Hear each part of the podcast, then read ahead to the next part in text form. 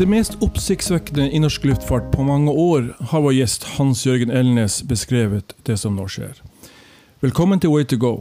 Mitt navn er Bjørn Moholt. I denne podkasten snakker jeg med luftfartsekspert Hans Jørgen Elnes i Winner om den skjerpede kampen om det norske luftrommet, og hvordan den kommer til å påvirke deg som reisende.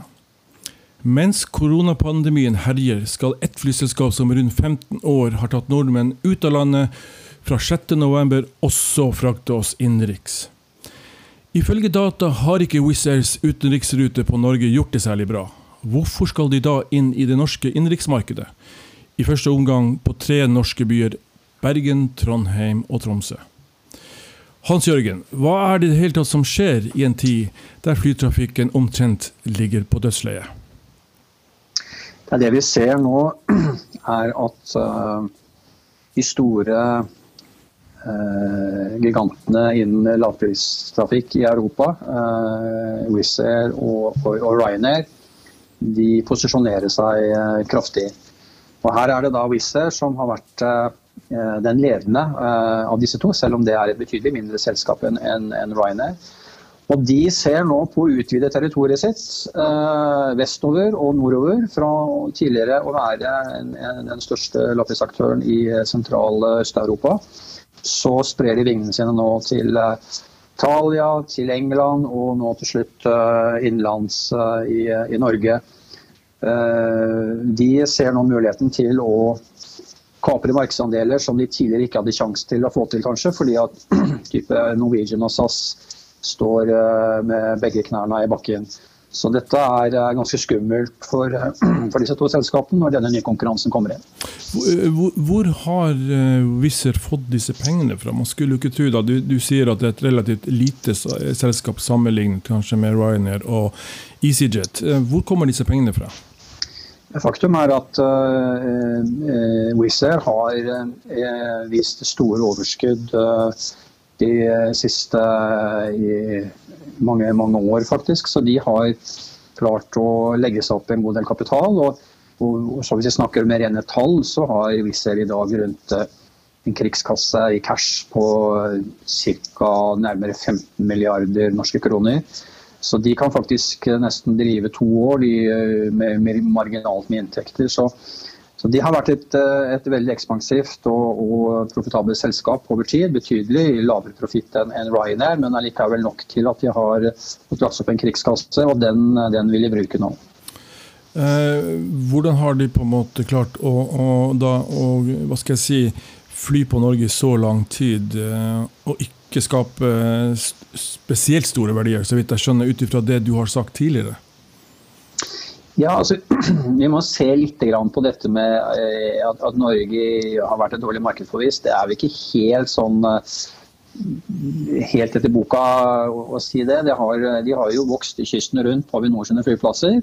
Og så har de hatt en, en operasjon over lang tid på, eh, på Torp. Og Det har jo gjort at, at merkevaren Wizz Air har jo etablert seg ganske bra i Norge. De fleste kjenner til selskapet. Eh, og Det vil kanskje gjøre det litt lettere for dem til å, til å få merkevaren sin etablert eh, med konkurransen her innenlands. Så de, nok, de, vet jo det at Norge er et, et attraktivt marked på innenlandssiden. Og betydelig større potensial enn det de har hatt på disse rutene siden de har fløyet til Torp og kysten rundt. Som til, til stor grad har transportert eh, folk fra østlige deler av Europa til, til, Norge. Og en litt mindre andel nordmenn som da reiser på ferie og, og forretningsreise til, til destinasjoner i Øst-Europa. Men nå vil jo, når de flyr innenlands, så vil jo dette kanskje endre seg. fordi at mange flere nordmenn vil jo da oppdage Wizz sitt produkt, både på godt og vondt.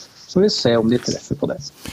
Jeg så at uh, de klinte jo da til da de la ut eh, flyvningene på Norge 199 kroner én vei, og umiddelbart så svarte jo da i hvert fall Norwegian med å gjøre det samme, og sågar ha priser under det. Eh, hva tror du, Hvordan utvikler dette her seg videre, tror du, mellom disse flyselskapene, spesielt Norwegian og, og Wizz Air? Men SAS er jo også en del av denne miksen, og jeg leste vel et sted at SAS i enda større grad enn tidligere nå må satse på fritids, ferie- og fritidsmarkedet. Et selskap som da hovedsakelig, kanskje ikke hovedsakelig, da, men i stor grad har fokusert på, på businessreisene. Kan du si litt om det? Jo, du kan si at Wizz Air de, de, de, bruker normalt så bruker de denne formen for strategi når de kommer inn i et nytt marked. Det er å gå ut med, med svært lave billettpriser. Fordi at det skaper mer eh, oppmerksomhet i, i media. Og istedenfor å kjøre svære annonser i eh, alle mulige kanaler, så bruker de pris og tar den kostnaden med lave priser, istedenfor å kjøpe seg markedsføring. Og Det har jo virket veldig bra i Norge. og I tillegg så har de jo fått uh, både i hvert fall Norwegian på, på, halen her, som har lagt seg under Wizz Air. Og Det tror jeg nødvendigvis ikke var et veldig smart grep av Norwegian. fordi uh, i utgangspunktet så har Norwegian et vesentlig bedre produkt og rutenettverk og tidtabell og bonusprogram og alt annet som, som Wizz Air ikke har som de faktisk kan ta ut en premie for i, i forhold til høyere priser eh, enn Wizz Air. Om, om, jeg tror om passasjeren betaler 199 eller 299 med Norwegian, den forskjellen tror jeg ikke er avgjørende. Så her gikk, eh, gikk Norwegian, eh, sånn som jeg ser det, rett i fella til, til eh, Wizz Air. Og, og, som da vis, kan gi markedet en, en, en, et inntrykk av at her kan det være en langsiktig mulighet for at Norwegian blir presset på lavpris uh, og på ABC. Så Det håper jeg Norwegian tar til etterretning og justerer det hvis ikke, hvis ikke det er for seint allerede. da. Um, jeg har en artikkel kalt 'lokkepriser'. Uh, hvor, hvor, mange slike seter er det erfaringsvis på disse flyene til den prisen? Det er veldig vanskelig spørsmål å svare på, uh, Bjørn. Fordi uh, her har vi uh, tilgangen til det vi kaller flyselskapene sin, sin inntektsoptimaliseringssystemer. Det er noe de holder veldig tett i brystet. Men jeg vil, jeg vil nok si det sånn at i begynnelsen her så, så vil nok Wizz kunne selge en vesentlig del av de setene de har til lav pris for å sørge for at flest mulig føler at de får en bra deal med å, med å fly med Wizz Air. Men vi var inne på en ting som ikke kom på, kom på det forrige spørsmålet, Bjørn, bare for å sånn, kutte en short, og det var snakk om eh, SAS. Ja. Og, og, og, eh, fokus fra de som reiser ofte, til ferie- og fritidsmarkedet. Og Det ligger jo litt eksplisitt inn i at uh, man, man, mange tror, inkludert meg selv, at, at covid-19 vil jo endre både kjøpsatferd og, og reisemønstre til, til, uh, til, både ferie og fritid og næringslivet. Og næringslivet forespeiler man jo at vil reise mindre, i hvert fall på mindre viktige møter, vil bli gjort på digitalt istedenfor at man reiser. Og Det betyr jo at SAS må sørge for at de kommer inn på det markedet som Norwegian har dominert eh, her hjemme i Norge i hvert fall. På, på ferie og fritid. Og Da må SAS omstille seg på mange måter til å gjøre det. og det, Jeg tror ikke SAS har noe alternativ enn å, å fokusere mer, mer, på det. De har vært veldig gode på det på sommeren, hvor de flytter mye av produksjonen sin fra tradisjonelle si, forretningsdestinasjoner i Nord-Europa til feriedestinasjoner rundt Middelhavet. Og Det kan jo være at SAS må se på den modellen i større deler av året enn det det har gjort tidligere. Men det, det vil tiden vise seg om SAS klarer å, å, å få til.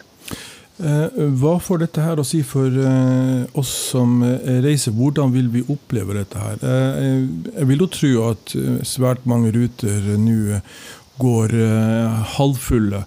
Eh, I tillegg så ser man jo at eh, ruter popper opp, og så forsvinner de igjen. Er det noe så denne usikkerheten knytta til destinasjoner er noe vi vil se eh, mye av fremover, i hvert fall under pandemien? Ja, hvis vi ser på dette vi kaller fyllingsgrad da, mm. på flyene, så, så, har jo de nordiske selskapene akkurat nå kommet med trafikktall for i september. og kan ta en kjapp gjennomgang av det, så se hva, hva lytterne dine får for en forståelse hvordan det er. Hvis vi ser på, på Norwegian, som faktisk var det, det flyselskapet i september som eh, gjorde det best i Europa, nei, i, i Skandinavia. De hadde faktisk uh, rundt 320 000 passasjerer, og det var 6000 flere passasjerer enn det de hadde i august. Og Da satt også Norwegian med en, med en, en kaminfaktor på rundt 52 SAS hadde betydelig flere passasjerer, rundt 600 000. Men det var en nedgang på over 100 000 passasjerer i forhold til august, og de hadde en fyllingsgrad på rundt 36% og så var det Finnair som faktisk var ned 40% i september i forhold til august. Og de hadde en kabinfaktor på fyllingsgrad på i overkant av 30% Altså det er Syv av ti seter på Finnair er ledig, er tomme. Og Det mm. betyr at f.eks. Finnair drar ned voldsomt på kapasiteten sin fremover. Skal bare fly 75 fly daglig, ruter daglig gjennom hele vinterprogrammet. Mm.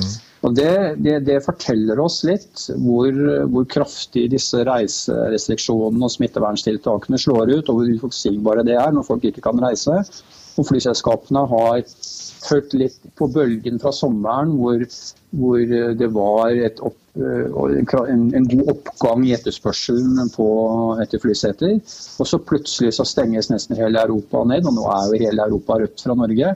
Da slår dette ut. og Da vil flyselskapene ikke ha noe annet valg enn å kutte i rutene. Fordi selv om du har billettpriser fra Norge til fine strender i Sør-Europa, så er det ingen, veld, veldig få som reiser dit. Og da, selv om du selger dette til 200 kroner eller 500 kroner én vei, så tror jeg de fleste vil være hjemme. Og da er det bedre å sette fly på bakken, og rutene blir uh, redusert eller kansellert. Så det vil vi se gjennom hele covid-19. At det blir en sånn berg-og-dal-bane som gjør det veldig uoversiktlig for kundene, og som gjør at man også får bestilt en reise, så kan man få endringer på det flere ganger, og i verste fall at den blir kansellert. Det er ikke bra for uh, relasjonen mellom leverandør og kunde. Mm.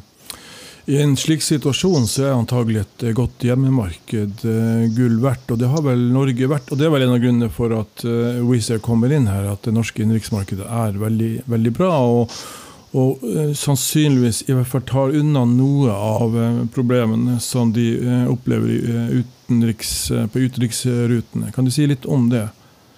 Ja, Norge er, er veldig sterkt innenriksmarked på global basis. Og, og, for å gi noen tall, så lytterne forstår det litt enklere, det er at for SAS og Norwegian så er Norge det aller viktigste markedet. og Eh, for Norwegian så står for over 50% av inntektene, og for SAS eh, like under 50 Så uten et, uten, Hvis innenriksmarkedet i Norge skulle svikte, uh, nå svikter det jo litt pga. de reiserestriksjonene som er, så vil det være veldig alvorlig for, for uh, SAS og, og, og, Norwegian. Og Derfor så kom også Wizz Air inn, fordi at de ser at her er nå en mulighet til å komme inn på et Eh, kanskje det mest, det mest lukrative, et av de mest lukrative innenriksmarkedene i Europa. Og Dermed så ser de nå muligheten til å gjøre det. Og jeg er ganske sikker på at hvis Wizz nå føler at de har en god drive og god uh, booking performance på de rutene de har satt opp, så kommer det til å komme flere ruter og høyere frekvenser med Wizz Og det, det, gjør det jo mer skummelt for de, for de norske flyselskapene. Så frykten for at det satt ett selskap igjen eh, etter covid, den har vært ubegrunnet. Eh, det vil komme et selskap inn. Det som overrasker meg litt, at det var Wizz Air og f.eks. ikke Ryanair. Du har jo en fortid i, i det irske selskapet. Hvorfor kom ikke Ryanair eh, inn her, i den muligheten som oppstod? Ryanair har ikke vist så veldig stor interesse for, for Skandinavia etter sånn 2015-2016, når jeg holdt på bortpå der, så prøvde vi å få i gang en større operasjon i, i, Skandinavia. og faktisk Planen var mer eller mindre at vi skulle gå i direkte konkurranse med, med SAS på hovedstadstrianglene. København, Stockholm, Oslo, København. Med base i, på Kastrup, København. Men, eh, men, eh, så fikk man problemer med fagforeninger, for det var litt for tidlig for Ryanair å gjøre lokale avtaler. og sånne ting, og Dermed så ble det mer tullball og man måtte trekke seg ut. og Siden da så har selskapet hatt en veldig sånn, avventende holdning til, eh, til Skandinavia. Men dermed, når skal man ta med seg det at Ryanair og Wizz Air er kanskje de to, ja, to bitre konkurrenter. Og Ryanair vil nok ikke se med stor uh, altså de vil føle seg lite tilfreds med at Wizz Air nå begynner å komme inn på eh, det lukrative markedet her oppe i, eh, i, i Norden. Og det kan trigge at Ryanair kanskje ser på muligheter til å plukke opp igjen planene fra når jeg var der borte, på hva, om de skal oppgradere eh, Skandinavia. Og de, de, vet jo like godt som, som, deg og meg og alle andre at Norwegian også, også i, står i knestående og vil gjøre det en god stund fremover. Mens, mens Ryanair har en krigskasse på formidable 40 milliarder kroner, så de kan nesten gjøre hva de vil. Eh, så får vi se hvor de velger å, å ta kampen. Eh, de, de, har også fått konkurranse fra Wizz Air i Italia. Og Der er faktisk det tredje, det andre største flyselskapet, lappeselskapet i Europa, EasyJet, de er på vei til å bli presset ut av Italia pga. krigen mellom eh, Ryanair og, og Wizz Air. Så dette er ganske tøft. Så jeg utelukker ikke at det blir enda mer konkurranse både i Norden og Skandinavia. Og innenlands i Norge er jeg litt mer usikker på. Det, det, tror man nok venter å se hvordan Wizz klarer seg. Uh, og hvordan det går med Norwegian. Men, uh, men uh, i Skandinavia så tror jeg nok vi vil se at det kommer mer, mer, kapasitet inn her om ikke så lang tid. Ja, Det er jo helt vilt. Og, og da blir det kanskje et femte selskap. For et fjerde eh, flyselskap er jo på vei eh, å stables på bena og skal være operativt før sommeren 2021. og Det er en norsk gruppering med, med forankring i Norwegian. og Det er altså da Erik G. Bråten eh, som da står bak som på en måte gallionsfigur i denne satsingen. Eh, alle kjenner jo til Bråten Safe, og han er jo da barnebarn av den opprinnelige eh, hva skal jeg si, gründeren bak det. Eh, hva tenker du om at uh, dette nå skjer, og at en norsk gruppering på denne måten eh, skal stable da, dette flyselskapet på bena? Du kan si at På en måte så er timingen nesten perfekt. Og på en annen måte så er timingen nesten galskap. Det kommer litt an på hvordan man, hvordan man tenker her. Men akkurat nå så er det veldig stor tilgang på på fly eh, i leiemarkedet til svært attraktive eh, kontrakter. Det er tilgang på mye piloter og kabinmannskap og støtteapparat på bakken. Eh, SAS og Norwegian er, som jeg har sagt tidligere, de er i kne begge to. Det norske innenriksmarkedet er fremdeles sterkt. Det er jo det som holder trafikktallene til Avinor oppe. Erik E. Bråten han uh, skal uh, gjøre det man kaller cherry-picking. altså Han skal gå på de, de, de sterke trafikksterke rutene Stavanger, Bergen, uh, Trondheim. Og, og, fly på tider hvor han vet at det er stor etterspørsel også i dag. Men det er klart for å få dette her til, så trengs kapital. Og eh, jeg traff eh, Erik E. Bråten på pressekonferansen her på tirsdag. Vi hadde en prat om dette her. og det, det, De trenger jo oppi to milliarder kroner for mm. å kunne starte opp da med fem Boeing 737 eller A320, som er de, de flytypene som passer best. Og det, Der har de også søkt staten om å få statlige lånegarantier på opptil 1,5 milliarder kroner. Og så skal resten finansieres i markedet, og hvor eh, et av selskapene til Erik Bråten og Jada skal med 40-50 millioner kroner. Jeg er litt usikker på om staten kommer til å, å, å tilby noen lånegarantier til et, et startup-selskap. Uh, så jeg tror at Erik Bråten må regne med å hente penger inn fra markedet, og det er kanskje ikke like lett i dag. Mm. Selv om de siste emisjonene, altså hvor selskapet har hentet penger i markedet, som type EasyJet, uh, Ryanair, IAG og faktisk Icelandair har vært uh, kjempesuksess, så er det litt tøffere kanskje for et, et, et, et selskap som, en, som, ikke er på vingene. Så, uh, så det, blir, det, blir, spennende å se om han, han, får det til. Og det blir jo klart det blir tøft også når, når Wizz Air har kommet på plass. Så det, det blir ingen walk in the park, dette her. Nei, også er det vel litt sannsynlig at myndighetene går inn med, med milliarder i en periode hvor de i tillegg skal støtte andre, de andre selskapene. og De har vel allerede investert i Norwegian. Tror de på noe tidspunkt at eh, den norske stat vil sitte igjen som eier i Norwegian etter at i løpet av denne pandemien? Hvor sannsynlig jeg har, vært, jeg har jo vært veldig tydelig på det helt siden eh, problemene startet her tidligere i år. eh, At eh, sannsynligheten for at den norske staten går inn i et eierskap i Ukensas eller Norwegian eller Widerøe er veldig liten.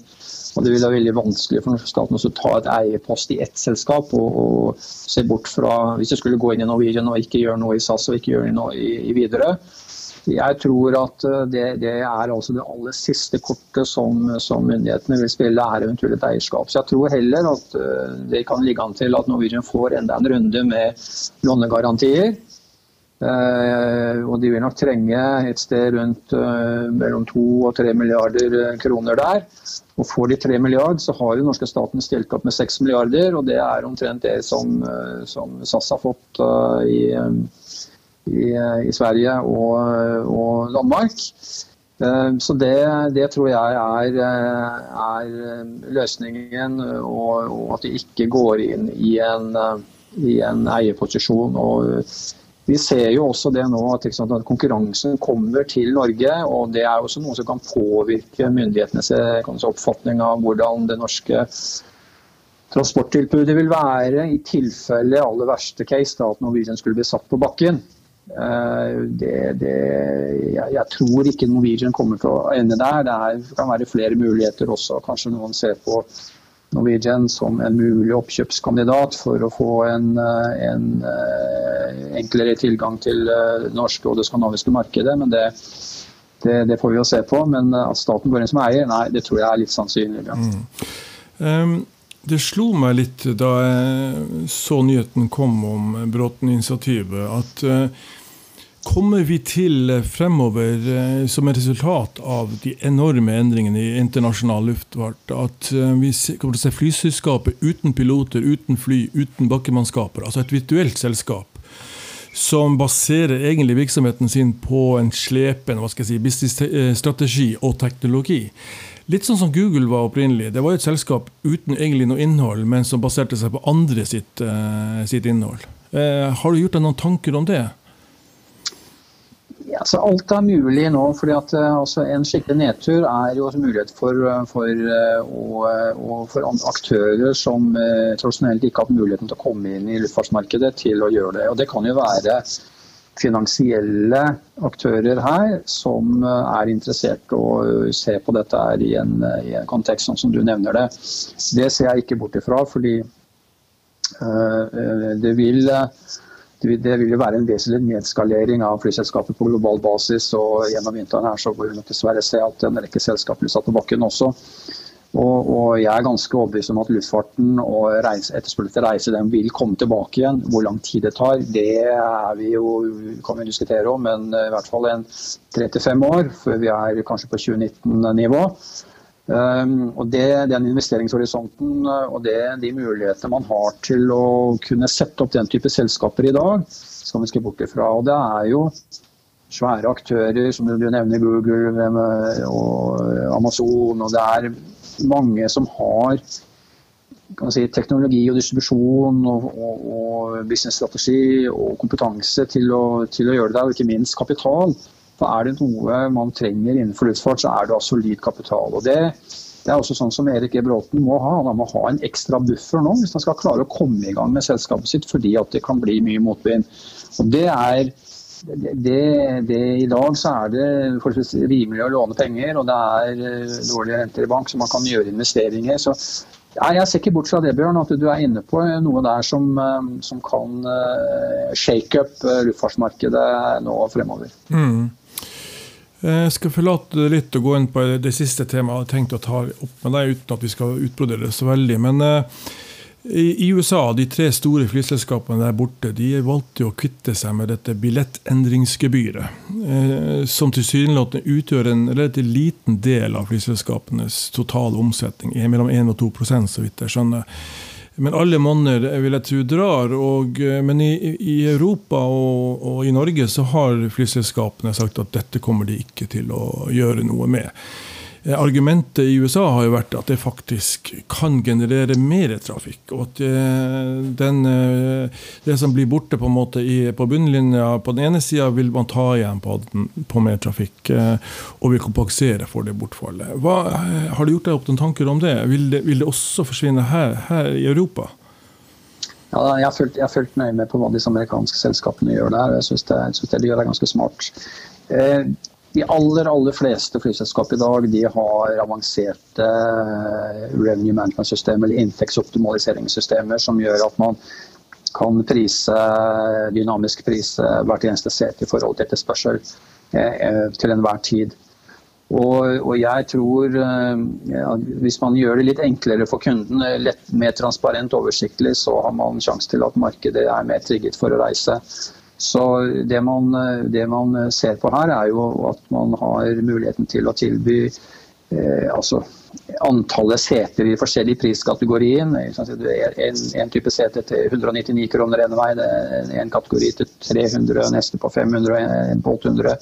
Oslo-Bergen for eksempelvis.